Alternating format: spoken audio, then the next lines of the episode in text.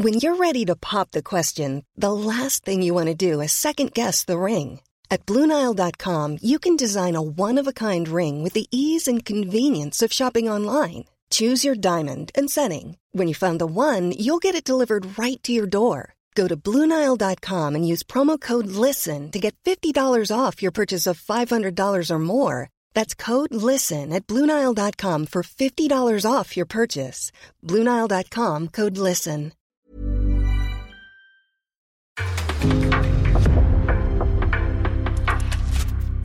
En podcast från Aftonbladet. Nu är det vinna eller försvinna som gäller. Vi går igenom kvartsfinalerna, snackar om orosmomenten i svenska lägret och hur mycket de svenska spelarna egentligen vet om Belgien. Det är ett lag som vi kanske inte har superbra koll på. Ja, det finns en hel del att bita i, så vad väntar vi på? Nu sparkar vi igång!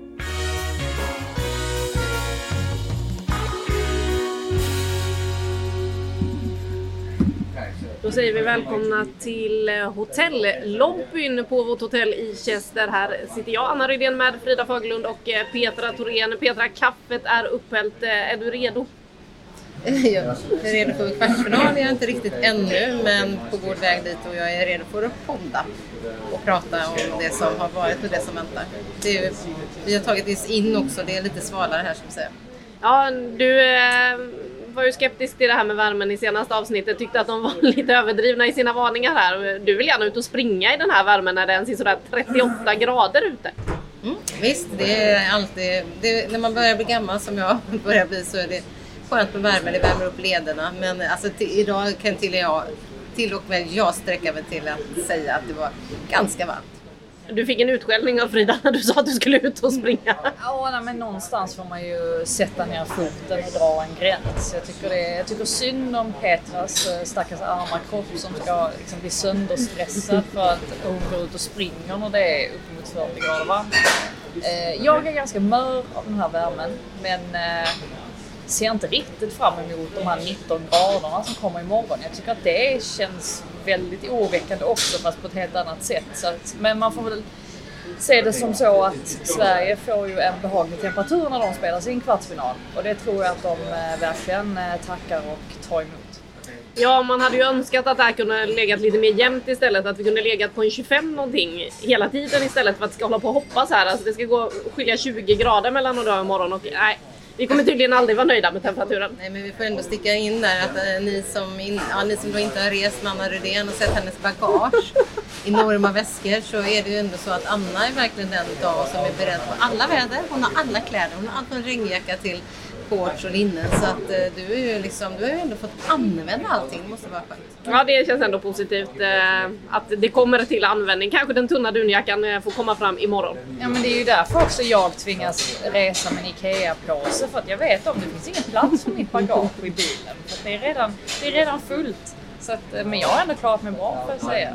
Det är lite kärvt ibland sådär. Jag borde kanske tvätta men i övrigt så, ah, bra packning.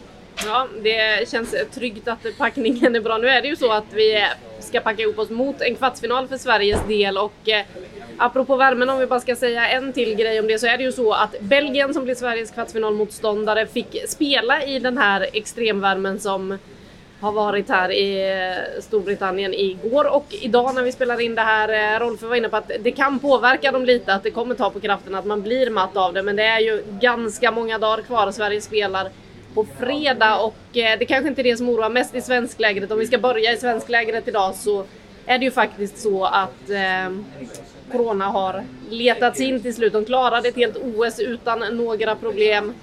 Men nu så har det blivit positiv antigentest. Frida, du var på plats ute på Garden Park igår när nyheterna kom och eh, ja, men vad, vad var det för stämning där ute egentligen? Nej, men det blev ju lite konstigt eftersom att mediaträffen sköts fram en timme med ganska kort varsel. Sen fick vi inte riktigt veta så mycket mer än att det var två spelare och en ledare som hade testat positivt på ett antigentest. Och de väntar ju fortfarande på de här PCR-testerna som är mer eh, accurate tänkte jag säga, Det blev för swinglish. Eh, de som är mer, eh, ja men eh, visar rätt helt enkelt. Mer än vad ett antigentest gör. Och det är väl fortfarande där vi står egentligen. Det var en ny pressträff i morse, men vi fick inte reda på så mycket mer. Vi vet fortfarande inte namnen på de som är smittade. Och eh, det tänker de hålla tyst om så länge PCR-testerna inte är gjorda eller resultaten inte är tillbaka i alla fall. Så det enda vi får eh, hålla tummarna för nu är ju att smittan inte sprids ännu mer. Eh, som sagt, nu vet vi ju inte vilka positioner som, som det rör sig om. Men eh, ja, man vill ju absolut inte att det här ska drabba en största stjärnor som Nederländerna drabbades av där med, med Miedema och Schonen och eh, ja, det var väl de framförallt som, som fick eh, hoppa över ett par matcher. Eh, så att vi, eh, ja, vi får hålla tummarna för det helt enkelt. Ja det får vi göra och vi kan väl lyssna lite på eh, hur stämningen har varit i svensklägret eh, de här 24 timmarna då som det gick mellan att de fick de positiva svaren och att vi träffade spelare idag på morgonen. För Fridolina Rolfö var ändå ganska tydlig kring hur det har känts inne på det svenska hotellet i det svenska lägret efter att de fick svaren. Ja, men det har varit, ärligt sagt, ett ganska stressigt dygn såklart tråkigt att det sker, det kommer in, men eh, nu får vi göra det bästa vi kan utifrån den här situationen. Hur stöttar ni de som sitter isolerade, ni som inte sitter instängda? Eh, ja, alltså det man kan göra det är att skicka meddelanden eller ringa och det är väl på det sättet som vi, vi försöker stötta. Hur går? Eh, nej, men det är väl att eh, man är, blir oroliga såklart. Man vill ju inte att det här ska alltså att smittan ska spridas vidare så att eh, man är extra försiktig, man, man pratar om det och man säger om man har minsta möjliga symptom. Ja, Fridolina Rolfrau, som sagt, eh, när, i poddandets stund så vet vi inte vilka spelare det rör sig om. Vi har ju sett en del spelare röra sig, det är en del spelare som har varit på pressträffarna framförallt, så de bör vi ju kunna utesluta med tanke på att man ska sitta isolerade om eh, man då är bland de smittade. Men Petra, hur tror du det är inne på det där hotellet? Ja, vi har väl räknat upp mot 16 spelare som vi har sett till eh, och bland dem eh, Kosovare Asllani, Sofia Jakobsson bland annat idag. Eh, vi har inte eh, det är några spelare som vi inte har sett som eh, vi skulle kunna tro då att det är men, men ah, det där, när podden kom, det här poddavsnittet, när, när våra lyssnare, ni där ute får höra det här så har det sannolikt kommit fram vilka det är. Det kan ju faktiskt också vara så att det har varit felaktiga antigentester men det, det är sällan det, det brukar slå åt andra hållet. Jag tror att det är ja, men, Även om man vet att det kan bli så, så, så blir man ju påverkad som människa och det blir spelarna också. Jag är fullständigt övertygad om, det säger de ju att det kommer in en viss oro eh, för att man själv ska åka på det. Man går och väntar, man känner efter och, och risken för att bli smittad inför en kvartsfinal som, som alla vill spela. Det är klart att det, det påverkar dem och idag har de då inte haft någon träning. Det var ju bra eftersom det var väldigt varmt att de hade vilodag från det idag. Eh, men jag tror att det är viktigt nu att på något sätt få återgå till rutinerna så mycket som det går. Och de samlas inte i stora grupper, de eh, får inte umgås på samma sätt, de får inte sitta på rummen och spela musik med varandra eller leka DJs. Eh. Och det är klart att den sociala eh, faktorn har en betydelse för, för känslan i gruppen. Eh, så det tror jag kan påverka en del och eh, de kommer få ändra sitt sätt att ha liksom, taktiska genomgångar. De kan inte sitta i de här stora grupperna och ha det. Så att, eh, det är klart att det påverkar. Sen när det väl kommer till plan, så liksom, när de väl kommer till match så tror jag att ah, då är de så fokuserade och där och då, då, då kommer vi kanske inte se det så mycket men någon kommer nog må lite halvdålig på vägen fram. Ja, vi eh, ska tillbaka till Sverige om en stund och analysera då Sveriges eh, kvartsfinal. Eh, vi vet ju numera att det blir Belgien som står för motståndet, men det här är den stora kvartsfinal-previewen. Oj, oj, oj, nu börjar de veva här i köket, gnisslar något enormt. Jag ber så hemskt mycket om ursäkt för det där ljudet. Frida grinar riktigt illa här, det skar i öronen. Jag hoppas att det inte hördes allt för väl genom poddmikrofonen, men vi ska gå igenom kvartsfinalerna och eh, vi tar dem i turordning fast vi lägger Sverige allra, allra sist för att kunna djupdyka lite extra i Sverige-Belgien. Så Frida, jag kommer bolla över micken till dig här först, för först ut så har vi ju värdnationen England som tar emot Spanien. Ett eh, riktigt stormöte ändå. Ja, det är det ju definitivt. Spanien som klev in här som en av favoriterna, liksom eh, Sverige och England får man väl ändå säga. Men har ju försvagats sedan Alexia Puteas skadade knät. Och eh, jag tycker väl ändå att det finns ganska många sätt att såra det här laget på. Jag tror definitivt att med den formen som England är just nu och det här att de faktiskt har sprutat in mål tror jag gör att, att Spanien känner väldigt, väldigt stor respekt inför, eh, inför vad som komma skall. Och det jag gillar mest med England som egentligen var ett, ett ganska stort frågetecken. Det var ju dels liksom det, det, centrala mittfältet där man pekade på att ja, men här saknar de spelare, vilket ju gjorde att Lea Williamson väldigt länge spelade som eh, central mittfältare. Man har inte gjort det nu utan har tagit klivet ner på sin favoritposition som mittback där hon får komma rätt vän med boll och hon hon vi har ju visat alltså, flera gånger att hon kan, hon kan göra de här, slå de här genomskärarna, hon kan eh, driva bollen framåt. Det är ju en otroligt stor fördel att ha den typen av, typen av mittback. Och sen så då givetvis front, frontlinjen med Beth Mead som är i fantastisk form uppenbarligen. Ellen White som också har överträffat förväntningarna tycker jag och tystat sina tvivlare och så har man Lauren Hemp då på, på andra kanten som också är en fantastisk spelare. Och som är Frank Kirby precis bakom som trots sina hälsoproblem har eh, verkligen har lyckats få till det här och jag tycker nästan att hon har varit deras bästa spelare egentligen. Så nu har Mead gjort en, gjort en massa mål och sådär men man ska inte underskatta Kirbys eh, betydelse att spela just i den nummer 10-rollen. Och så Alessia Russo har man på bänken att kasta in när Ellen White börjar bli lite trött som en helt annan typ av nummer 9-spelare. Men fantastisk, alltså vilken teknik hon har. Så att det är väldigt, väldigt mycket att ta av i det här engelska laget. Men med det sagt så vet vi att det kan sätta sig lite nerver i en sån här typ av match. Det är mycket som står på spel. De har väldigt mycket press och förväntningar på sina axlar. Och de hamnade ju lite i baklåsen då får man säga mot Österrike i premiären så att ja, Spanien kan nog ställa till det för dem också. Men jag tror ändå, eller jag tycker ändå att England måste kliva in här som, eh, ja, men som klar favoriten då. Värdnationen England tippar du alltså vidare, det kan vi ju avslöja här. Det gör ju jag också. Det är du som sticker ut eh, när det kommer till det här mötet Petra och tänker att skrällen här kan bli Spanien. Ja, det är ju ganska mycket för att jag har blivit den här motfallskärring i det här gänget. Eh, alla andra, alla andra, ni tre, för nu har vi fått eh, sällskap av vår superfotograf Pontus Orre som dricker kaffe med oss.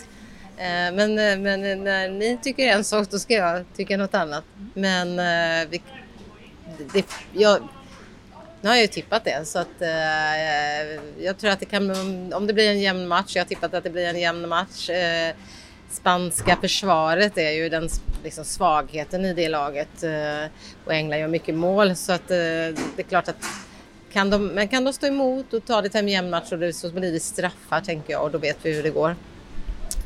Då vet vi hur det går. Då är det tack, då är det tack och hej för... Det håller du ändå med om Frida? Ja, ja, den förbannelsen kommer aldrig brytas. Nej. Det tror jag inte. Nej, England får alltså se till att avgöra på fulltid då om, eller i förlängning om det ska bli avancemang till semifinal och eh, det är ju så att eh, vinnaren i den matchen ställs mot vinnaren i Sveriges match i en semifinal så den är ju högintressant även ur det perspektivet. Kvartsfinal nummer två Näst på tur är Tyskland mot Österrike. Den har vi varit inne lite på tidigare också. Det var ju då du var inne på att det kunde vara lite samma land, eh, Frida, Tyskland mot Österrike i senaste poddavsnittet. Ehm, Petra, vad känner du inför det här mötet? Du bara skrattar åt Frida. Ja, men Frida sätter ju en limebit i halsen nu när hon inser vad hon har sagt. Men, eh... Jag pratar för mycket, gör jag inte det? Absolut Nej, inte. absolut inte. Det är fantastiskt. Eh... Om ens hälften av det Frida sa hade funnits på band så hade det varit en helt annan. Då hade jag inte haft ett jobb. Eller också hade jag haft flera jobb. Ja, det, är det är en ny karriär tycker jag som, som är på väg fram här. Eh, ja, jag tror att eh, det österrikiska försvaret, eh, så de, släpp, de har släppt in eh, ett mål, är det så? Gjort tre. Eh, är ett väldigt starkt försvar och det är klart att det, behövs om man ska möta upp eh, mot Tyskland som har liksom gått under radarn lite inför det här mästerskapet med två med missat OS och, och liksom eh, utslaget i, i VM utav Sverige eh, för 2019 så att eh, det behövs för, för, Tyskland har ju verkligen varit superstarka och eh, ah, Eh, jag ser det ändå som att det kommer bli ganska kontrollerat tyskt eh, agerande och en ganska säker seger. Jag är fortfarande lite fascinerad av det faktumet att nu har hon gjort mål i alla matcher här för Tyskland, Alexandra Popp, men hon gjorde sitt första i det här EMet så var det hennes första EM-mål någonsin. Det känns ju som att hon har varit med sedan liksom världshistoriens början i princip, men hon har alltså lyckats missa både 2013 och 2017 EM tidigare och får nu då briljera med sitt Tyskland. Vad tror du om den här matchen då, Frida? Jag tror först och främst att det är, Pop är ju väldigt, ett väldigt rubrikvänligt namn. Man kan leka med, med det namnet Kanske framförallt i England. Ja, nej men exakt. Och lite, lite så här lite tysk, tysk pop, tysk poppigt. Ja, det finns, finns mycket att jobba med där för, eh, för alla eh, tidningsmakare. Men i övrigt så, ja men jag håller med Petra. Jag tror också att Tyskland är ju det laget som eh, om, om vi tänker oss nu att Frankrike faktiskt har, har tappat lite efter den här fantastiska öppningsmatchen mot Italien och inte övertygat riktigt lika extremt så är väl Tyskland de som, som fortfarande ligger väldigt högt upp. Um, och ett sånt lag som man tänker sig ska kunna ta sig hela vägen och, och vinna. Just det. Nu stoppade alla tre och det var en WhatsApp-meddelande från svenska landslagsledningen. Eh, om att det är nu bekräftat att de tränar imorgon. Eh, Ja. Big news. Starkt innehåll i det här meddelandet. Men det var lite dumt för nu, nu lägger de ju presskonferensen senare. Då krockar det med den belgiska presskonferensen. Eh, men ja, ja, det är sånt som tillhör planeringen här i det här laget. Ja, vi har en del planering att ta tag i också i det här gänget eh, framöver. Men med det så lämnar vi WhatsApp-gruppen och eh, presskonferenser och träningar för Sveriges del och fortsätter prata Tyskland, Österrike. Du tror att det blir kontrollerat ändå Frida för Tyskland? Nej men inte kont... Ja, det är kanske kontrollen då som blir nyckelordet. Just i och med det här att Österrike har en ganska tight, solid defensiv och Tyskland har också det. Kan man tänka sig. Ja, en ganska tillknäppt tillställning skulle jag gissa att det blir. Sen tycker jag väl inte att Österrike, jag tycker de saknar någonting på sista tredjedelen. Mot England så hade de hade kunnat straffa England betydligt mer om de hade den där finishen. Uh, finishen? Finishen? Oj, uh, dålig svenska. Men de gjorde aldrig det. Och det är det jag tror de, de faller på nu också. Att, att tyskarna helt enkelt är lite, lite skickligare än vad de är. Ja, och eh, vi tror väl alla gemensamt här att eh, Tyskland kommer vara laget som tar sig vidare från den kvartsfinalen. Sen då på fredag så är det ju Sverige-Belgien, men eh, den tar vi sist. Vi tar och hoppar till Frankrike. Nederländerna, ett Frankrike som ju spelade oavgjort i den sista omgången mot Island, men då roterade en hel del i sin startelva och som du var inne på Frida, de imponerade stort i den allra första matchen, sen kanske tappat lite. Eh, Petra, vad tror du om Frankrike och deras chanser i en kvartsfinal mot ett lag som Nederländerna, där vi också ska säga då, de har ju fått ytterligare ett bakslag nu. Like Martens, eh, anfallaren, superstjärnan, eh, en av dem i eh, Nederländerna, lämnar EM efter en fotskada som hon ådrog sig mot Schweiz och finns inte tillgänglig. Så ja, Frankrike, vad ger du dem för chanser och vad tror du blir nyckeln för dem i en kvartsfinal mot Nederländerna? Ja, de har ju också drabbats av ett eh, stort eh, skadeavbräck i och med att eh, Marie-Antoinette Katoto skadade sitt knä i andra matchen oturligt och blev borta hela turneringen. Och jag tycker att det, det, det skadetillfället liksom såg nästan ut som det påverkar laget ganska mycket. Hon är deras skyttedrottning, gjort 32 mål på 33 matcher med PSG den här säsongen. Eh, Så jag, det, det känslan är, är att det ändå har liksom skakat om dem ganska mycket. Eh, sen är det ju så att Frankrike har en otrolig offensiv i alla fall. Vi såg bara igår då när eh, Malard kom in, Lyon-spelare som eh, eh, jag satt och bara njöt av när jag såg henne på Bravida Arena i Champions League-spelet i höstas. Kommer in och gör ett jättefint mål, ett fint, eh, efter ett fint anfall igår så det finns ju kapacitet på bänken eh, om inte Sarri spelar. Eh, sen både Cascarino och eh, Diani har ju också liksom visat sig vara i, i väldigt bra form. Så det, liksom offensivt så har de verkligen liksom både nycklarna med snabbheten. De har målfarliga spelare kvar trots att Katoto är borta. Då. Eh, det som är deras brister är ju försvarsspelet och där, det har vi varit inne på förut, de är inte synkade även om Renard har eh, så många landskamper så känns det inte riktigt, riktigt synkat och påkopplat och eh, där, framförallt om eh, Midema kommer tillbaks, det vet vi inte ännu. Någon som har sett? Eh, ja, det verkar väl positivt va? Eh, alltså det, det går... Positivt negativt, nu är det här coronaläge hur man ska uttrycka det. Det går åt rätt håll. Det, går åt rätt, håll. Det är ett bra sätt att uttrycka sig. Mm. Det innebär att hon sannolikt kan spela då, men vilken form är hon om hon suttit inne på ett hotellrum? Jag menar, jag vet inte hur mycket hon har, hur mycket hon har kunnat röra på sig liksom. Eh, sannolikt har de väl ändå hittat någon form av möjlighet till träning då. Men det, det vore ju enormt för dem och då är ju hon en sån spelare som verkligen kan glida in liksom i ytan eh, eh, mellan mittfält och backlinje och även komma in liksom bakom den. Så att, eh, det, där finns chanserna för Nederländerna. Jag tror ändå att eh, Frankrike tar det här. Vad känner du kring eh, den här kvartsfinalen Frida?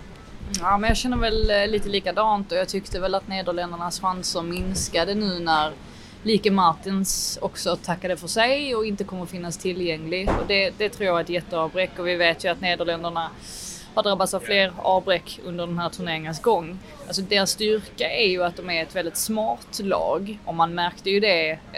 Jag är övertygad om att en sån som Miedema kommer bli tränare efter sin karriär för att sättet hon satt och pratade om Sverige-matchen på presskonferensen vittnade ändå om att hon har ganska mycket mandat i det här laget. Att det var hon som, som eh, som sa åt tränaren liksom att de här justeringarna måste vi göra för att vi ska komma in i matchen och i andra halvlek så gör de det mot Sverige också. Mycket tack vare att de gör sådana grejer som att Råd kliver in centralt, alltså en sån enkel grej ställer till det lite för Sverige när hon får komma lite mer centralt och Midema när hon liksom till slut får utdelning när hon droppar ner och kan, eh, kan ta sig förbi eh, den svenska, svenska pressen.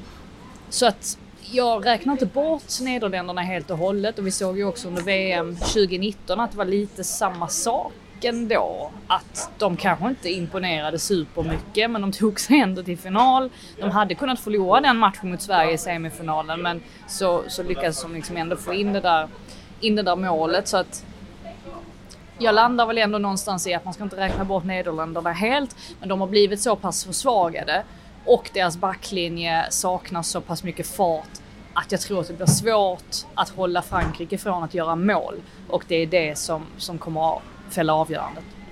Ja, och här är det ju då jag som sticker ut och har tippat vidare att Nederländerna blir de som slår ut Frankrike i kvartsfinalen. Lite baserat också på mitt tips i Bibeln. Jag, får, jag har ju redan fått äta upp en del av det så att säga med Frankrike och Tyskland. Mm, de skulle ju floppa och åka ut i gruppen. Frankrike då? Ja, de skulle också åka ut i gruppen va? Eh, så blev det ju kanske inte riktigt. Vi kan ändå fila in här att eh, Anna Rydén ändå är kanske starkast av oss på, på managerlaget, fotbolls eh, eller EM-elvan. Så att... Eh, Någonting kan jag tydligen. Ja, jag tror att du bara gjorde det där lite grann för du skulle få till en, eh, någonting som stack ut där. Och det, det, ska du ha cred, det ska du ha cred för verkligen. Och det var inte många, om man tar Österrike här, det var väl ingen som tippade att de skulle gå vidare från gruppen. Så att ibland, ibland händer ju de här överraskningarna. Men eh, ja, jag tror ingen av oss prickade rätt på dem. Nej, eh, det gjorde vi inte. Och jag har ju då i mitt eh, grundtips tippat att Nederländerna tar sig hela vägen till en final. Så då måste de ju vinna kvartsfinalen till att börja med och eh, då får de göra det mot Frankrike. Men jag tippar, eller lämnade in det här kvartsfinaltipset precis innan Like Martens nyheten kom och det krävs ju att Midema är med och spelar och att hon är spelsugen och i form för att det ska gå. Vad behövde Midema i Arsenal? 110 matcher får jag 100 mål så att är det någonting hon kan så är det ju hitta nätet och det tror jag hon gör om hon spelar så får vi väl se då hur mycket. De andra gör. Daniel van de Donk har ju också imponerat så här långt i turneringen och kan göra riktigt snygga mål, eh, det vet vi. Så att, ja, nej, mitt eh, tips där får bli Nederländerna vidare. Och då kommer vi till Sverige-Belgien som eh, då, det har varit oroligt på det svenska hotellet eh, var man inne på, men eh, Magdalena Eriksson har också varit orolig, dock inte så mycket för corona utan mer för vilka ska vi få möta? Hon vill börja hinna analysera direkt Frida. Ja, eh vi vet inte så mycket om Belgien. De verkar inte heller veta så mycket om Belgien. Och Sverige, senast Sverige mötte Belgien var ju faktiskt 2009 när eh, Caroline Seger var med och Hedvig Lindahl var med och Kosse var väl också med. Men knappt de minns ju någonting av den matchen heller vad det verkar. Så att det är ju verkligen en blind fläck det här. Och faktum är att när jag pratade med en kompis som arbetar som fotbollsjournalist och är från Belgien så erkände till och med han att det är rätt många belgare som inte heller känner det här laget särskilt väl just för att det har hänt ganska mycket de senaste åren men utvecklingen har gått, ganska långsamt på damsidan. Vi vet ju att herrlandslaget har liksom haft den här gyllene generationen med Kevin De Bruyne bland annat och har, eh, ja, alltså har liksom legat i, i, i topp på många sätt under, under ett, eh, ett antal år nu. Men damlandslaget har haft det lite ja, en lite långsammare utveckling men nu börjar det ju hända någonting på något sätt och det har vi inte sett minst i det, inte minst i det här mästerskapet. Så att det här är ju ett lag som egentligen inte innehåller alltså fullblodsproffs utan många är ju rent av, ja men de har deltidsjobb och många har utbildningar och, och sådär på ett sätt som man inte ser i det, i det svenska laget. Så att även om Sverige kliver in här som, eh, som väldigt stor favorit så eh, måste man nog ändå ha lite respekt för att man inte känner till Belgien sådär jätteväl. Och vi vet om att sådana länder kan, eh, kan bli jobbigt också. Just det här att man, ja, att man inte känner till dem, att man inte känner dem innan och utan. Jag tror definitivt att Belgien kommer ha bättre koll ändå på Sverige på något sätt. För att Sverige är ganska enkla att läsa av. Alltså man ser vad Sveriges styrkor är. Sen är det jättesvårt att stoppa dem i alla fall. Men ja, vi får väl se. Eh, den som är eh, den som är bäst förberedd, ja det räcker väl visserligen inte och då har ju Sverige mer kvaliteter i sitt lag så de borde ju vinna den här matchen men det är enklare sagt än gjort. Och eh, Petra innan du ska få ge dig in i Belgien så kan vi väl lyssna på hur det lät eh, tidigare i våras när vi körde en quiz med Rosengårds eh, spelare. De har ju spelare i flera nationer i det här mästerskapet. Nu har ju de flesta då fått åka hem av eh, Rosengårds eh, nordiska kvartett som var med i det här EM-quizet. Det är Olivia Skog som är kvar i turneringen och frågan de fick var vem som hade gjort flest mål i EM-kvalet, alltså kvalet till det här mästerskapet och eh, vi kan väl säga som så här, det var ingen som hade en aning. Alla skrivit? Mm.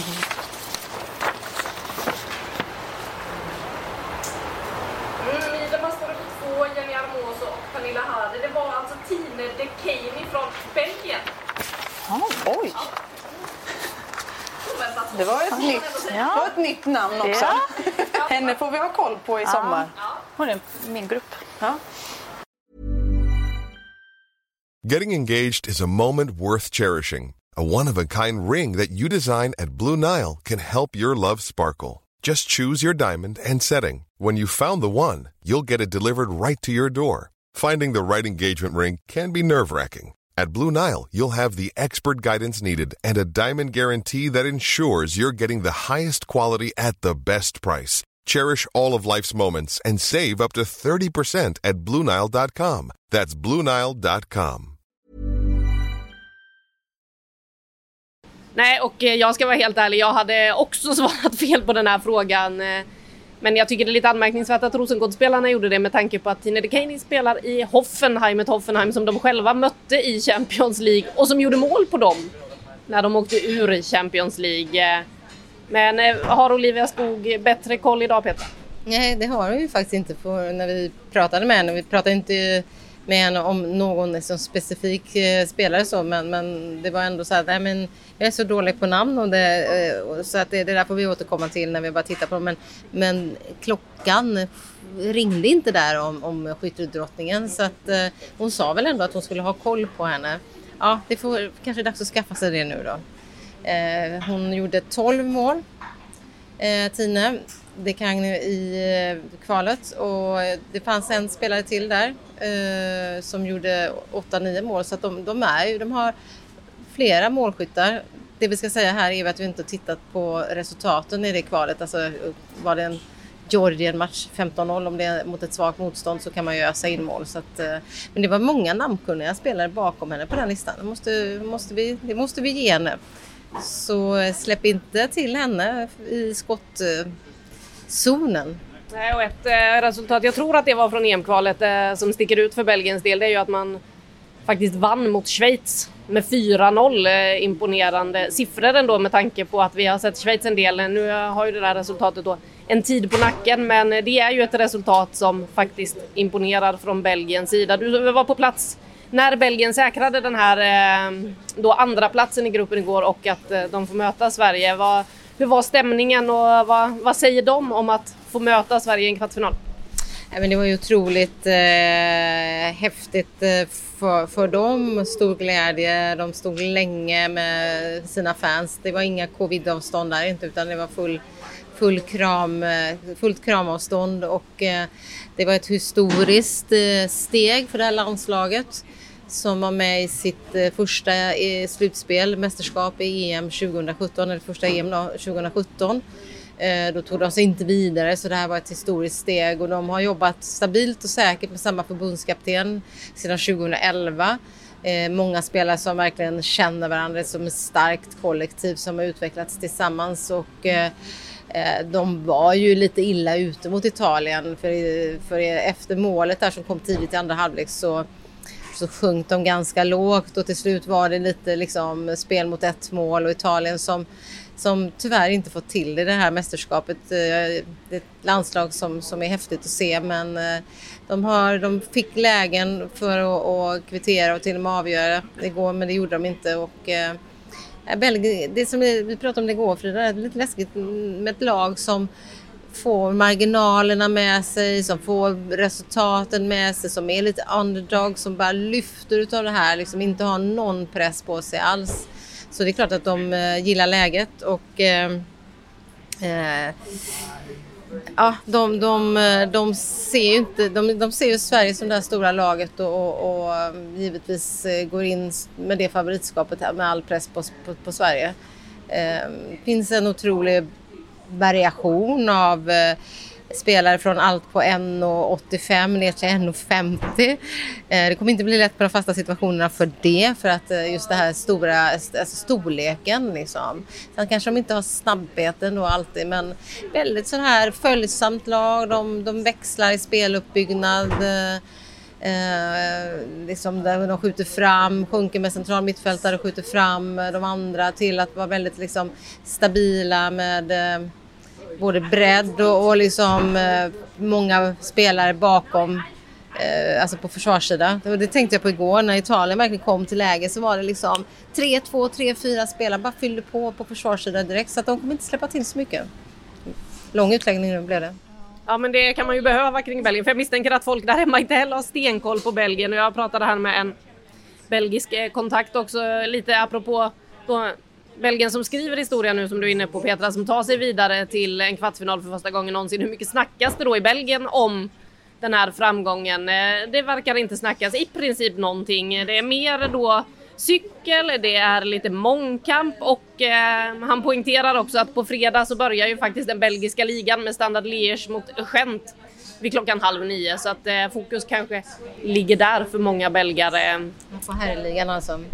Exakt. Eh, den drar igång då så att eh, vi får väl se hur mycket talk of the town det här laget blir. Men Frida, vad tror du blir viktigt för Sverige idag för att det här ska funka och för att man inte ska kliva in och kanske underskatta det här laget på något sätt utan att man är fullt påkopplade. Vi vill ju inte se en Schweiz-historia igen för det kan straffa sig när det är ett lag som är effektivt och verkar få resultatet med sig. Ni var inne på att det var lite läskigt.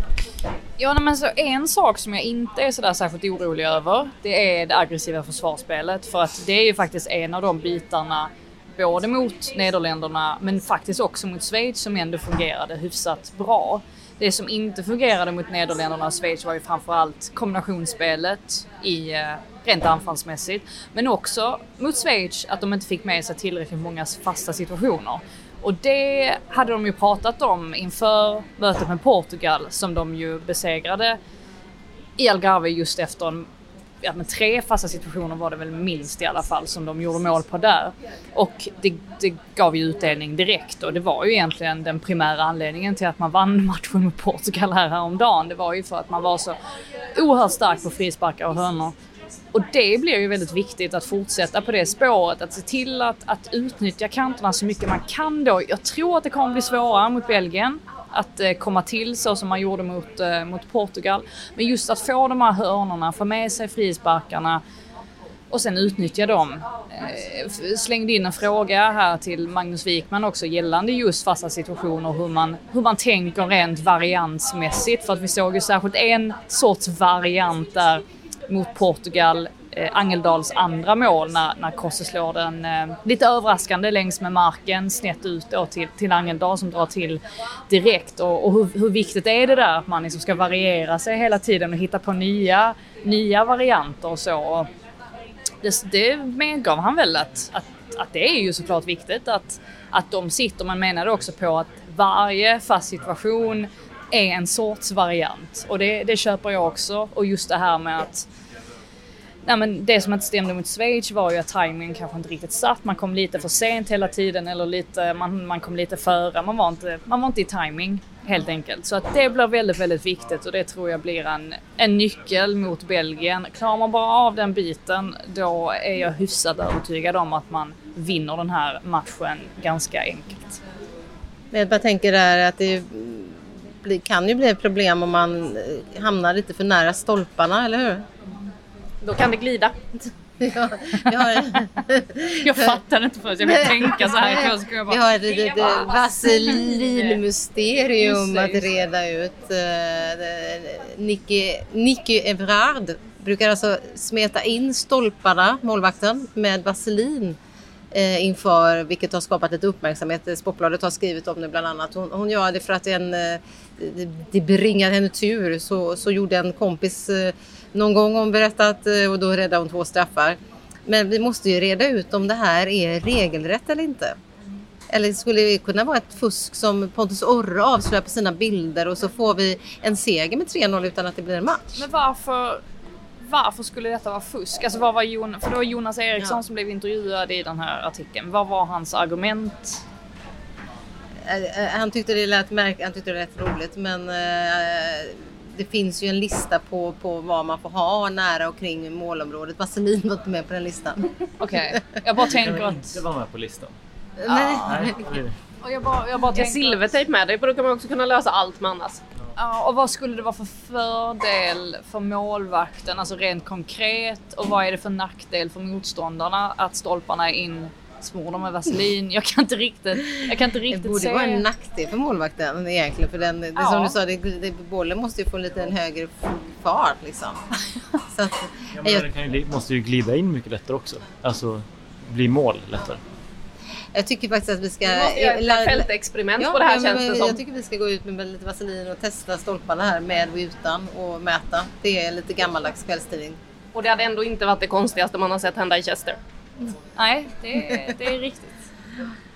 Men eh, om vi ska avsluta snacket kring den här matchen då Petra, hur tror du att det går? Mm, ja, Sverige vinner den matchen. Sverige är klar favorit. Sverige med det sättet som eh, man ändå fått igång eh, det offensiva spelet och, och, och målskyttet. Och så länge det inte är då en Stina Blackstenius som, som är sjuk. Jag betonar att det har vi ingen aning om det skulle vara men om det inte är liksom någon av nyckelspelarna så, så har Sverige även utan det eftersom bredden på truppen är så stor. Ehm, men jag vill än en gång poängtera att det var Portugal vi slog så stort. Det var inget motstånd. Det sättet som de försvarade sig på den här hörnan finns ju inte på kartan. Eh, så att, så att det här kommer, det kommer vara någonting helt annat. Jag tror att matchen mot Schweiz och så, det kommer vara lite liknande som vi kommer se mot Belgien. Men Sverige vinner med 3-1 eller 2-0. Nu får du välja ett resultat. Du kan inte ta två resultat. Nej, då tar jag 2-0. Mm, jag hade egentligen velat ta 2-0 också. Um... Jag, jag vill inte jinxa så jag säger 1-0 till Sverige. Jag vill liksom inte ta ut någonting nu här, eh, ta ut svängarna. Jag tror på 3-1 för Sverige.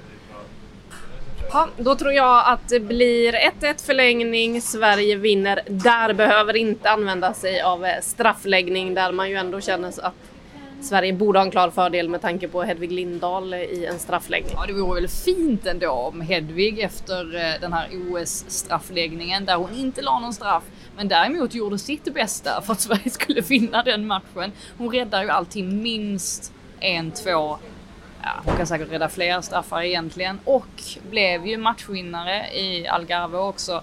Eh, räddade först en straff, sen gick hon dit och drämde in den på egen hand. Det var ganska, ganska häftigt att se. Men eh, vi kan ju spara den där straffläggningen eventuellt till en semifinal för att ta sig England dit och Sverige dit och en straffläggning. Det hade varit fint Frida. Ja, då hade jag njutit mer än vad jag gjorde när jag såg England mot Tyskland förra sommaren. För att annars var ju det en sån där enorm höjdpunkt i ens liv. Men England-Sverige in semifinal Skönt också, jag hade inte varit så nervös. Jag hade varit glad hur det än hade gått på något sätt också, vilket hade känts bra. Ja, och en straffläggning där, det hade varit fint. Vi ska snart gå till 5 plus. Vem av er vill dela ut idag så hinner ni tänka lite. Räck upp handen, vem av er? Ja, det är ingen som har kommit på något än. Ni får fundera lite och eh, räcka upp handen när ni har kommit på eh, ett 5 plus. Jag ska vända mig till Pontus här först innan vi går över till er. För Eh, vår fotograf Pontus då har ju också, om ni går in och googlar Sportbladet EMs bästa bilder så hittar man eh, det bästa du har fotograferat hittills. Vad tycker du själv är den bästa bilden? Oj. Eh, jag ställer bara svåra frågor. Ja, ja du, du är känd för det. Nej, men det är jag är känd för mycket här tydligen. Ja, precis. Nej, men det är ju variationen i den här artikeln där man kan se liksom allt från fans till eh, avgörande mål och så. Eh, så förhoppningsvis så kan man få en bra sammanfattning i bilder av det här EMet so far och jag kommer också jag uppdaterar den här artikeln kontinuerligt också. Men, ja. Ja, och eh, vi var ju på plats igår i Rotherham eh, för att se ifall Island skulle bli Sveriges motståndare i den här kvartsfinalen. Så blev det ju inte nu, men eh, det blev ganska fina scener efter ändå. Ja, verkligen. De har ju många mammor i laget och eh, ja, det var väldigt fina scener när de tog in dem på planen där. Hur, inte så mycket coronaavstånd där va? Nej, corona fanns inte där då och eh, men jag måste säga det, det är otroligt häftigt att se alla isländska fans på läktaren och det hade ju hade vi mött Island i en kvart så hade det varit häftig läktarkamp. Det är också oh. de, jag skulle vilja liksom, det är lite, det är varandras motsatser lite grann. Island har en väldigt så organiserad klack, det är två personer som står och trummar, olika liksom takter hela tiden medan Sverige så är mer eh, Ja, spretig kan man säga. Det, jag tycker varje, varje match eh, ser man nya människor som liksom tar initiativet till att driva på läktarsånger och så. så att, ja, det hade varit en intressant eh, syn. Hur taggade du på matchen på eh, fredag? För nu spelar vi på en liten tight arena igen. Det är ju samma arena ska vi säga som eh, Sverige slog Portugal på. Jag gillar små tajta arenor. Det är kanon. Du eh, får bra med utrymme där eller hur funkar det? Absolut, och det var ju väldigt varmt senast också. Men det är rätt. Eh, jag satt precis nedanför klacken förra matchen och eh, det finns väldigt mycket plats också för klackledaren att springa längs hela långsidan och försöka få med sig hela, hela sidan. Det, är, det är någonting man inte ser på herrfotboll, utan det är väldigt strikt så vart alla får stå. Men Uefa är väldigt eh, flexibla med reglerna för fansen, så det, det är kul att se. Ja, och eh, har ju inte lyckats riktigt kanske hela vägen. Vi hade en del kritik mot Uefa när det gäller eh, fansen och eh, att man inte kan köpa biljetter och få följa hela vägen och sådär. Eh, till exempel. De har en del att jobba på eh, kring damerna fortfarande, men eh, nu har vi en kvartsfinal att se fram emot eh, och som sagt, gå in och googla Sportbladet EMs bästa bilder så hittar ni bildspelet från Pontus och som han är inne på. Den uppdateras ju under tiden så att har du redan varit inne en gång, gå in igen. Det kan ha tillkommit nya bilder, man vet aldrig. Så kolla där lite hela tiden. Sen har det suttit och varit en liten minikonferens här i hörnet under tiden. Eh, har ni kommit fram till något 5 plus än eller? Ja, men min, min höjdpunkt idag var ju liksom lunchen vi käkade. Alltså det är så, det är bara det, alltså, det har inte hänt så mycket idag generellt. Men jag vet inte, man kanske ska ge 5 plus till Belgien då för att Ja men till exempel mm, vår kära målvakt där, eh, Ev, Ev, jag vågar inte uttala hennes namn när jag sitter bredvid Petra. Snälla Petra du... Du har ju glömt, du har ju glömt av det men... Men... Eh, Ev, Ev, ja, jag tänker på Evra, Patrice Evra. Ska vi inte tänka på Evra? Ska jag säga Nicke Epar.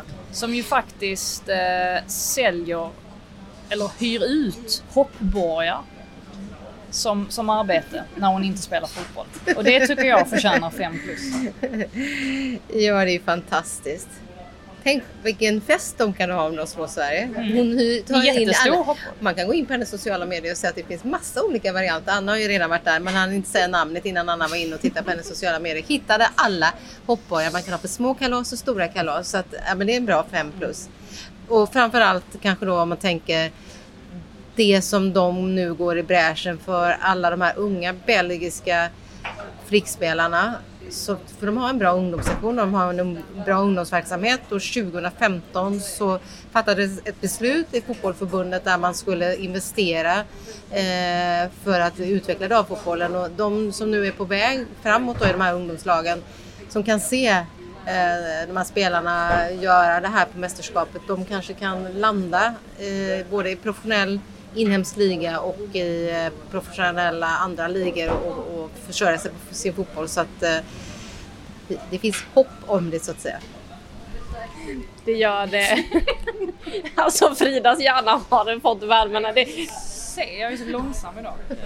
det tar någon sekund extra idag för poletterna att trilla ner här. Men det skyller vi allt på värmen. När det blir svalare igen så eh, Eller kommer hjärnorna bli Eller kvicka. dåliga Göteborgsvitsar. Det kan vara vilket som. Vi ska också passa på att ge en eh, liten shoutout här till eh, Per Lagerström som ju faktiskt är med i den här eh, podden när vi snackar damallsvenskan. Också expert på Viaplay som höjde ett varningens finger för just Belgien. Han har ju koll på ungdomslandslagen, en bred erfarenhet därifrån och sett en hel del kring Belgien och höjde ett varningens finger för dem inför vi får väl säga att där var han inne på rätt spår Per. Vi ser fram emot att höra honom i podden igen när eh, damallsvenska säsongen drar igång igen. Men förhoppningsvis så har vi många EM-avsnitt kvar innan det är dags eh, för den säsongen. Med det så tackar jag dig som har lyssnat och vi tackar också vår producent Julia som sitter och sliter hemma i Stockholm med att klippa ihop det här stöket som kommer från den här gången en lobbybar i England där vi sitter. Och så hörs vi igen. Vi får se om det blir efter Sveriges kvartsfinal eller om det kommer något innan det. Men vi är definitivt tillbaka när Sverige har mött Belgien och vi får se vem som får hoppa mest i de där hoppborgarna och vara gladast. Ja, det återstår att se. Tack för att ni har lyssnat.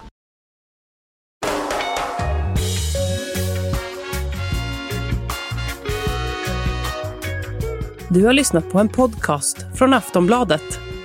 Ansvarig utgivare är Lena K Samuelsson.